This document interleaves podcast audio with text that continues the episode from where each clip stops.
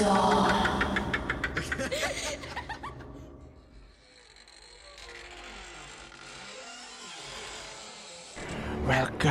to Mystery Zone.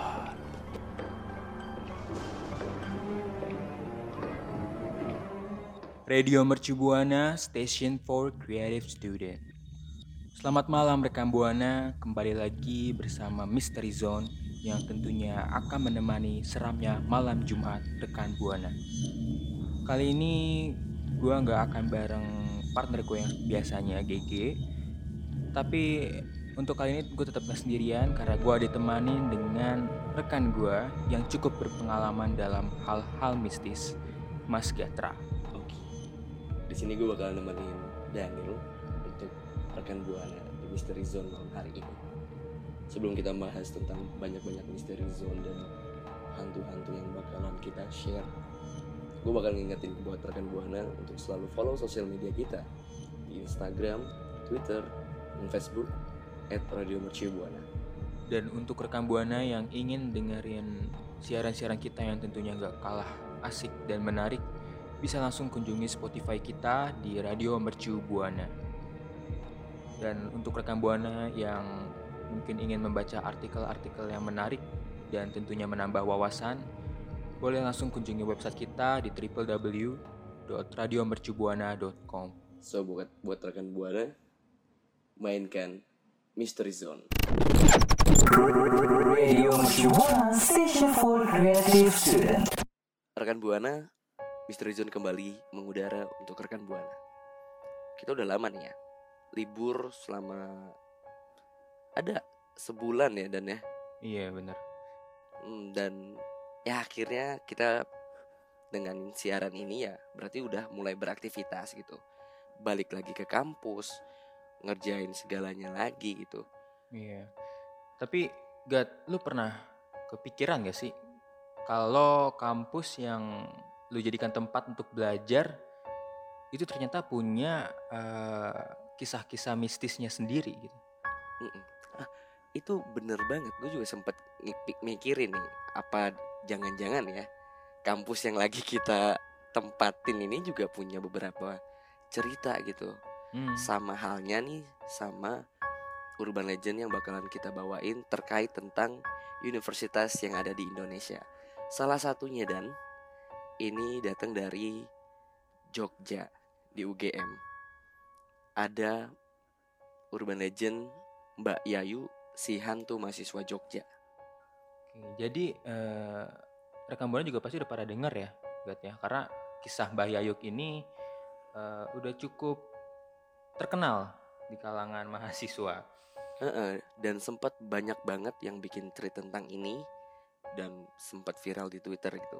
Banyak banget juga Iya. yang udah tahu. Dan rekan Buana kita bakal ngebahas tentang Mbak Yayu si hantu mahasiswa Jogja. So rekan Buana, jadi cerita mistis ini tuh berawal dari salah satu universitas negeri di daerah istimewa Yogyakarta yaitu UGM. Ya jadi nggak hanya sekolah nih yang punya kisah mistis dan horor, tapi kampus juga punya beberapa cerita mistis dan horor. Salah satunya di UGM ini dan Iya. Ya, dan dalam eh, cerita yang beredar dan rumor-rumor dari laporan-laporan yang konon pernah ngeliat Mbak Yayuk ini, itu Mbak Yayuk sering kali terlihat saat malam hari ya. Dan biasanya hantu itu kan gak akan terlihat ya dari rekaman CCTV. Jadi mungkin kayak gelas kelempar, kursi kelempar gitu-gitu aja. Cuman sosok Mbak Yayuk ini tuh kayak selalu terlihat di CCTV dan memperlihatkan diri pada siapa pun yang masih berada di area kampus pada malam hari.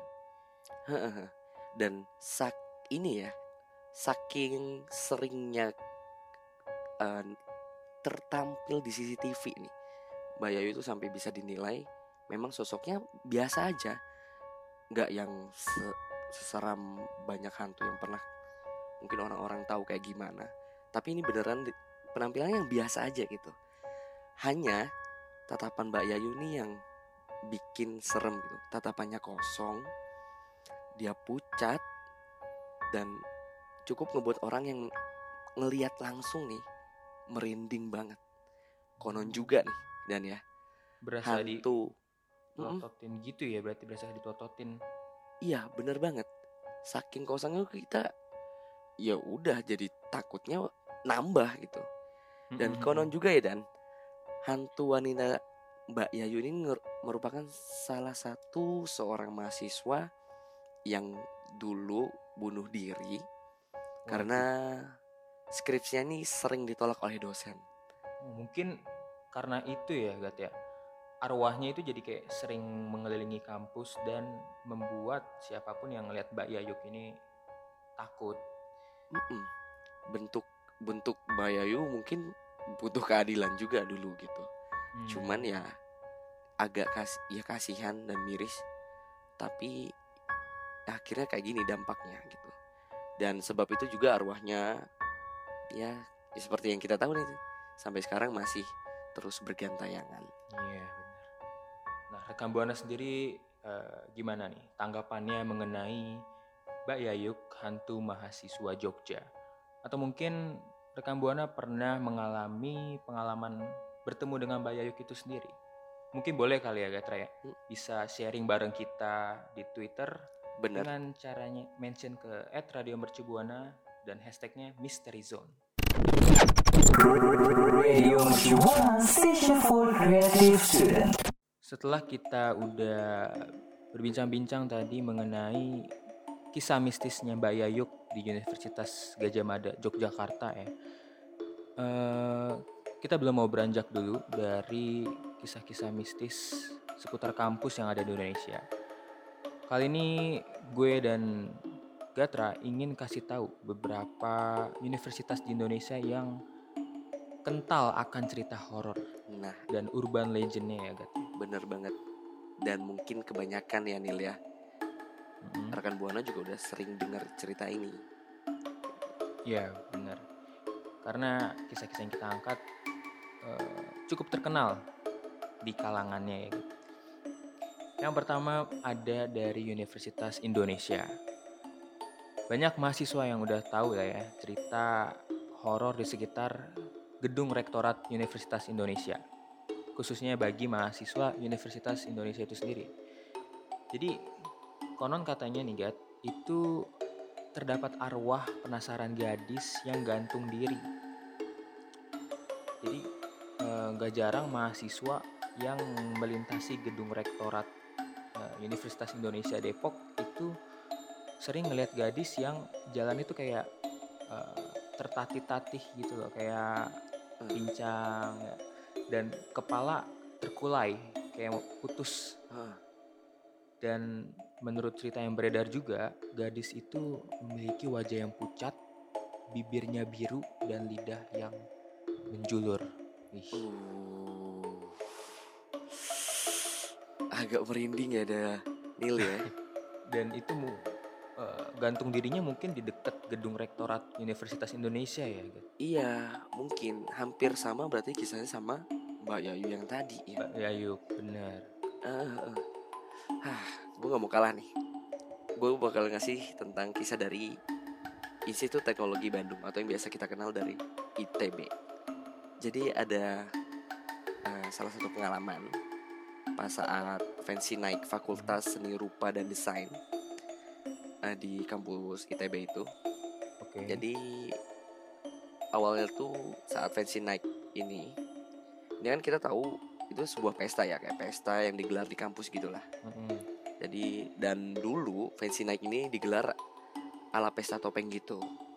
Oh, oke oke. Eh, tapi nih ada tapinya karena ITB bukan hanya milik mahasiswa. Nah banyak juga the demit yang ikut party tersebut.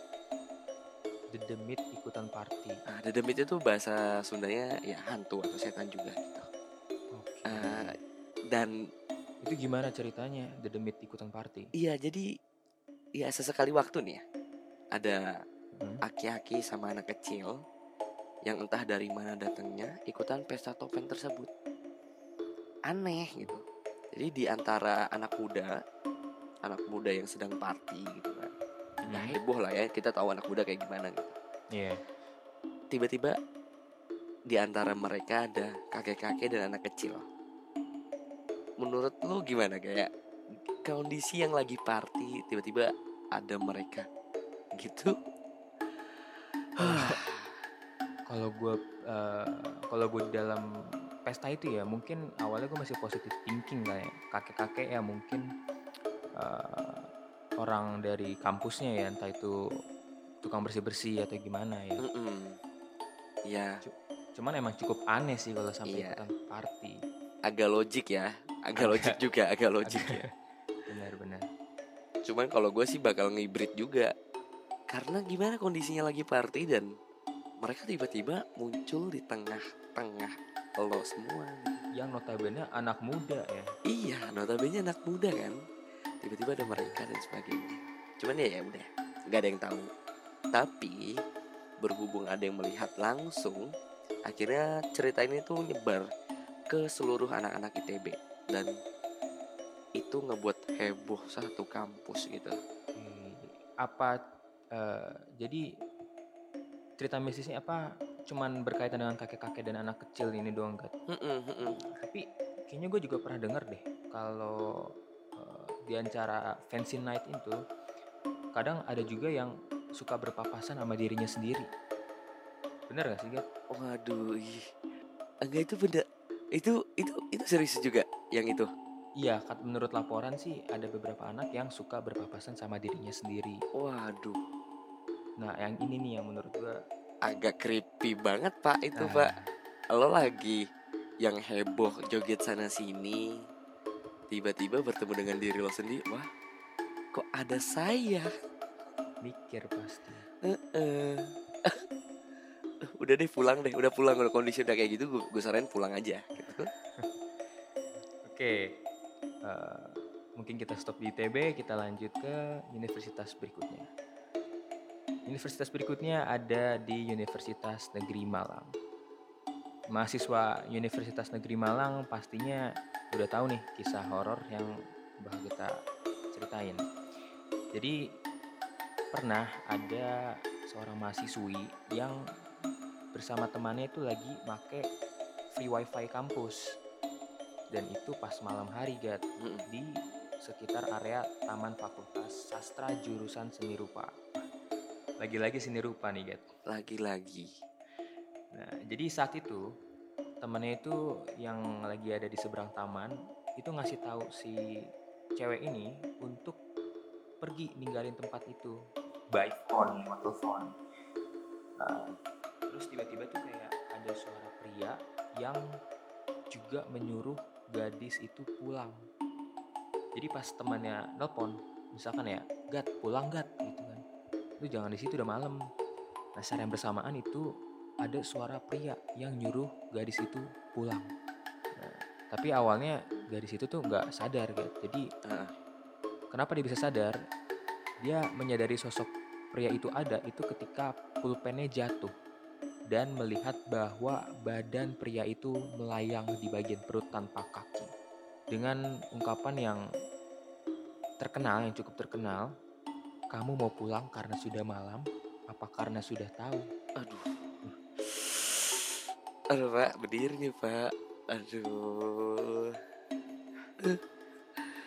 Tidak menggubris ajakan pulang temannya Langsung disuruh sama yang punya tempat untuk pulang Melayang di bagian perut tanpa kaki. Nah, Itu berarti nggak ada kakinya gitu apa? mel- melayang berarti melayang ya ba- Berarti ya badan dan kepala. Aja, Sisanya melayang, iya mungkin. Nggak kebayang sih jadi itu cewek. Nggak, gue rasa juga salah dia kan. Temennya udah ngegubris tapi dia tetap Ah cuek cuek. Saya mau wifi-an. Bener sih, dan secara waktu juga emang udah nggak eh, sepantasnya ya untuk Iya. terus berada di area tersebut. Benar. Nah, Kita udah ngebahas Tentang urban legend dari tiga kampus yang terkenal. Dan tiga kampus ini juga udah punya nama di di kita semua tahu gitu. Tapi kalau misalkan rekan Buana Punya beberapa kisah Tentang kampus sendiri Dan ngalamin sendiri Mungkin rekan Buana bisa sharing ke Twitter kita dengan mention di @radiomercubuana pakai hashtag Mystery Zone. Radio Mercu Buana Station for Creative Student. Akhirnya rekam buana kita memasuki segmen yang kita tunggu-tunggu yaitu Celamon cerita malam Kliwon. Seperti yang udah gue bilang di awal ya, gue ditemani dengan seseorang yang cukup berpengalaman dalam hal mistis. Jadi di cerita malam Kliwon kali ini kita akan mendengarkan cerita seputar mistis yang pernah dialami oleh Gatra. Mungkin boleh kali gitu ceritain mulai dari detail Oke, boleh, tempat gitu-gitu ya. Oke boleh. Ini pengalaman biasa bilang pengalaman keluarga sendiri ya. Keluarga. Bukan saya mengalami tapi bapak saya. Oke jadi oke oke. Oke. Hmm, gue punya adik, adik yang keempat itu laki-laki. Oke. Jadi kondisinya suatu hari itu jam 7 dulu ada jadwal pengajian rutin. Nah, kalau gue biasa bawa motor sendiri nih. Hmm. Nah, bokap gue otomatis sama adik gue yang laki-laki ini gitu. Dan mereka udah udah nyiapin sebagainya gitu perala- eh, peralatannya, terus nyiapin cemilan juga, Hmm. nyiapin minum dan sebagainya.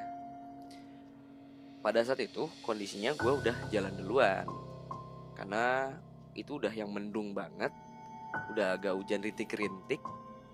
Jadi gue mau nggak mau harus buru-buru gitu dibanding harus telat. Iya, Jadi gue nggak benar benar. Dah. Oke, akhirnya sampai di situ gitu Nil.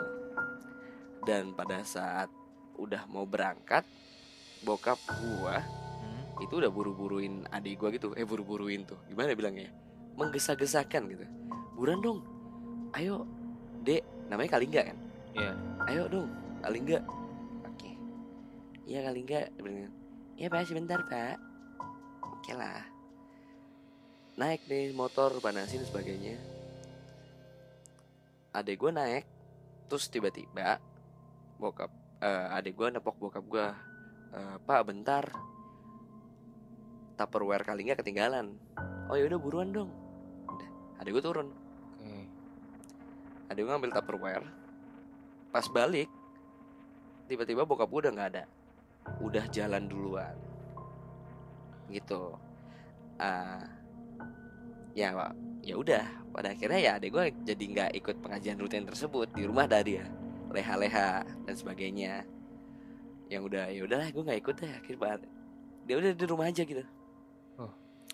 Itu gimana ceritanya bapak lu jalan duluan? Nah, itulah di situ kisahnya. Dari versi adik gue mungkin kayak gitu, karena bokap gue ketinggal ya udah nggak tahu apa apa kan adik gue. Akhirnya di rumah dan nggak ikut pengajian tersebut. Sampai di jam 10 malam mau lebih lah, hampir mau ke se- setengah sebelas. Oke. Bokap gue tuh pulang, keadaannya tuh yang seneng banget ketemu anaknya adik gue tuh dipelukin disayang banget yang dikuatirin kayak terjadi sesuatu. Warga gue yang tahu aneh dong ngeliatnya kayak eh kenapa nih? Datang-datang kok tiba-tiba yang kayak nggak pernah ketemu setahun gitu merasa kehilangan anaknya. Dan Oh, ketemu oke. tuh seneng banget gitu. Ada apa? Ya udah akhirnya bokap gue ngomong dari situ. Eh tadi tuh buka eh, bokap gue tuh nyari eh tadi bapak eh bokap gue bilang bapak tuh nyariin kamu tahu dari tadi. Enggak kali nggak ke mana-mana. Kali nggak di rumah kok nggak ikut ngaji. Nggak ikut ngaji. Loh. jadi kondisinya pada saat mau berangkat tersebut pas adik gue turun ngambil tupperware itu ada yang naik. Ya ada yang naik karena kondisinya terburu-buru dan mau ngejar waktu juga udah mendung. Hmm. jadi bokap gue nggak cross check nih siapa yang ada di belakang bokap gue ya udah bokap gue ngerasa ya adik gue aja gitu yang tadi ngambil tupperware turun terus naik lagi langsung ngebut Oh, langsung ngebut. Nah, nah, eh, tempat pengajian gue itu ngelewatin eh, salah satu makam pahlawan Ngelewatin makam pahlawan. Iya. Jadi pas di saat itu makam pahlawan tuh di depan di depan makam pahlawan tuh ada beberapa warung gitu Hmm. dan kondisinya pada saat itu memang udah hujannya udah hampir deras bokap gue mau nggak mau harus neduh Iya. ketika bokap gue berhenti menstandarkan motor kemudian matiin motor langsung buru-buru bokap gue tuh ngeliat adik gue tuh turun duluan dari motor Hmm. dan masuk di warung di depan makam pahlawan tersebut bener-bener masuk deh Oke. bokap gue ngejar dong Iya. ngejar ke tempat warung cat masuk. Terus tiba-tiba nanya nih ke abang warungnya. "Eh, bang anak saya mana ya tadi ke sini lari ke sini? Neduh kata abangnya. Yang mana pak? Nah, ada tadi yang laki-laki ke sini pakai baju ini tas ini. Begini penampilannya. Nggak ada. Saya jaga sendirian pak dari tadi ada orang saya lihat tadi lari ke sini kok neduh. Makanya saya susulin. Nggak ada pak.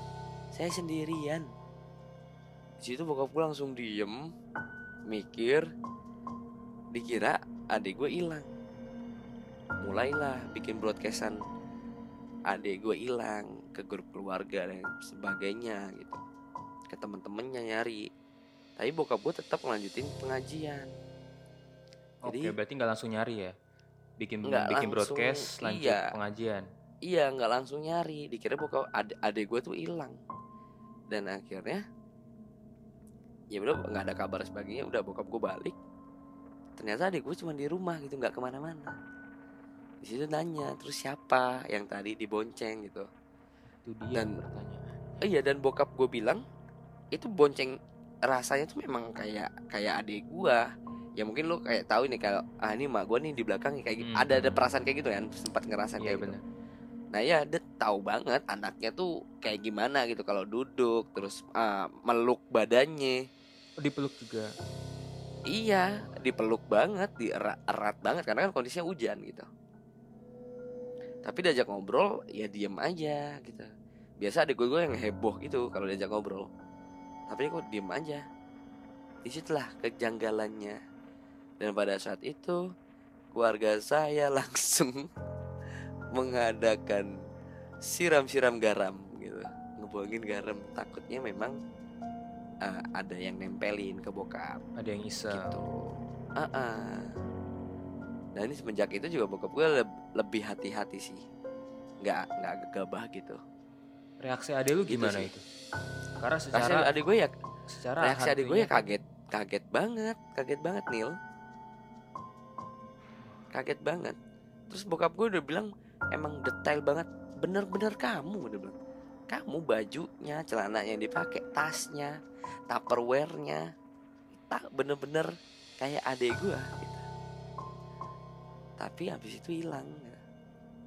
Sentuhannya sama, sama percis gitu. ternyata Tapi ternyata- memang ternyata tidak ada wujudnya pak gue gue gue setiap nyeritain yang tentang si kejadian ini gue agak gimana gitu gue merinding mulu kalau nyeritain yang tentang ini karena memang kejadian di keluarga gue ceritanya udah cukup lama kejadiannya. ya cukup lama sih cukup lama. Itu versi kesekian kali yang bokap gue alamin karena bokap gue tuh dari salah satu keluar salah satu anggota keluarga yang paling sering dikerjain sama hal kayak gitu. Itu salah satunya gitu kalau gue mau ceritain yang lainnya kayak nggak cukup ya durasinya gitu itu salah satunya sih yang paling creepy banget Oke. Kira-kira yang kerjain siapa sih tuh? Kayak gitu-gitu tuh. wah gue nggak paham deh pak yang kayak gitu tuh nggak ngerti tapi gue yang bingungin kenapa selalu bokap gue yang selalu kena Iri kali ya. Rekam Buana sendiri gimana nih? Mungkin eh, ada kali ya Gat ya punya cerita-cerita mistis juga tuh bener seputar keluarga seperti Mas apa seperti Gatra atau mungkin tentang hal-hal lainnya. Boleh banget eh, sharing-sharing bareng kita di Twitter di @radiomercubuana dengan hashtagnya Mystery Zone. Radio Mercubuana Station for Creative Student. Ya, rekam buana telah tiba di penghujung waktu eh, Mystery Zone ya. Setelah kita tadi udah ngebahas hal-hal mistis seputar beberapa kampus yang cukup terkenal di Indonesia ya Gatra ya. Bener banget Nil. Dari dulu ada urban legend dari UI, dari ITB, dari UGM dengan Mbak Yayunya, dari Malang yang ketemu sama separuh badan dan Eh, hanya dengan kepala ya melayang tidak menapak. Dari itu lu menurut lu yang paling serem yang mana? kalau menurut gua sih yang acara pesta topeng di ITB ya tadi ya kalau nggak salah. Kalau gue tetap yang paling serem kisah bokap gue. Gue tetap itu serem banget. Iya bener sih. Tapi gua gak kebayang kalau jadi adek lu gimana. Secara eh, si Om Jin ini kita bilang aja Om Jin lah ya. Dia kan Bener. nyamar jadi adek lu. Mm-mm. Dan gua gak kebayang perasaan adek lu gimana sih. Gue lebih nggak kebayang kalau sampai sekarang memang itu bukan adik gue itu lebih serem ya. Sampai sekarang ternyata itu bukan adik gue Tapi masih masih beberapa hari ini masih ada suka kejadian baru. nggak nggak ada udah nggak ada. Udah nggak aman. Udah enggak. Baik rekan buana, eh, sebelum kita akhiri sesi Mystery Zone di malam Jumat kali ini, gue pengen ingetin rekan buana untuk eh, follow sosial media kita di Instagram, Facebook, Twitter di @radiomercubuana. buat rekan buana juga yang mau dengerin siaran-siaran lainnya dan program yang lainnya lebih seru lagi langsung aja kunjungi di Spotify kita Radio Mercu Buana buat rekan buana juga yang mau baca-baca artikel menarik artikel-artikel ciamik dan mendengarin streaming dari siaran-siaran kita langsung aja kunjungi di www.radiomercubuana.com Oke, kalau gitu rekan buana, eh, thank you banget Gatra ya udah mau eh, datang ke sini sharing-sharing bareng sobat Mystery Oke, Zone. thank you banget Daniel dan thank you banget juga rekan buana. Kalau gitu gue Daniel pamit undur suara. Gue Gatra pamit undur suara. See you next week rekan See you buana. rekan buana.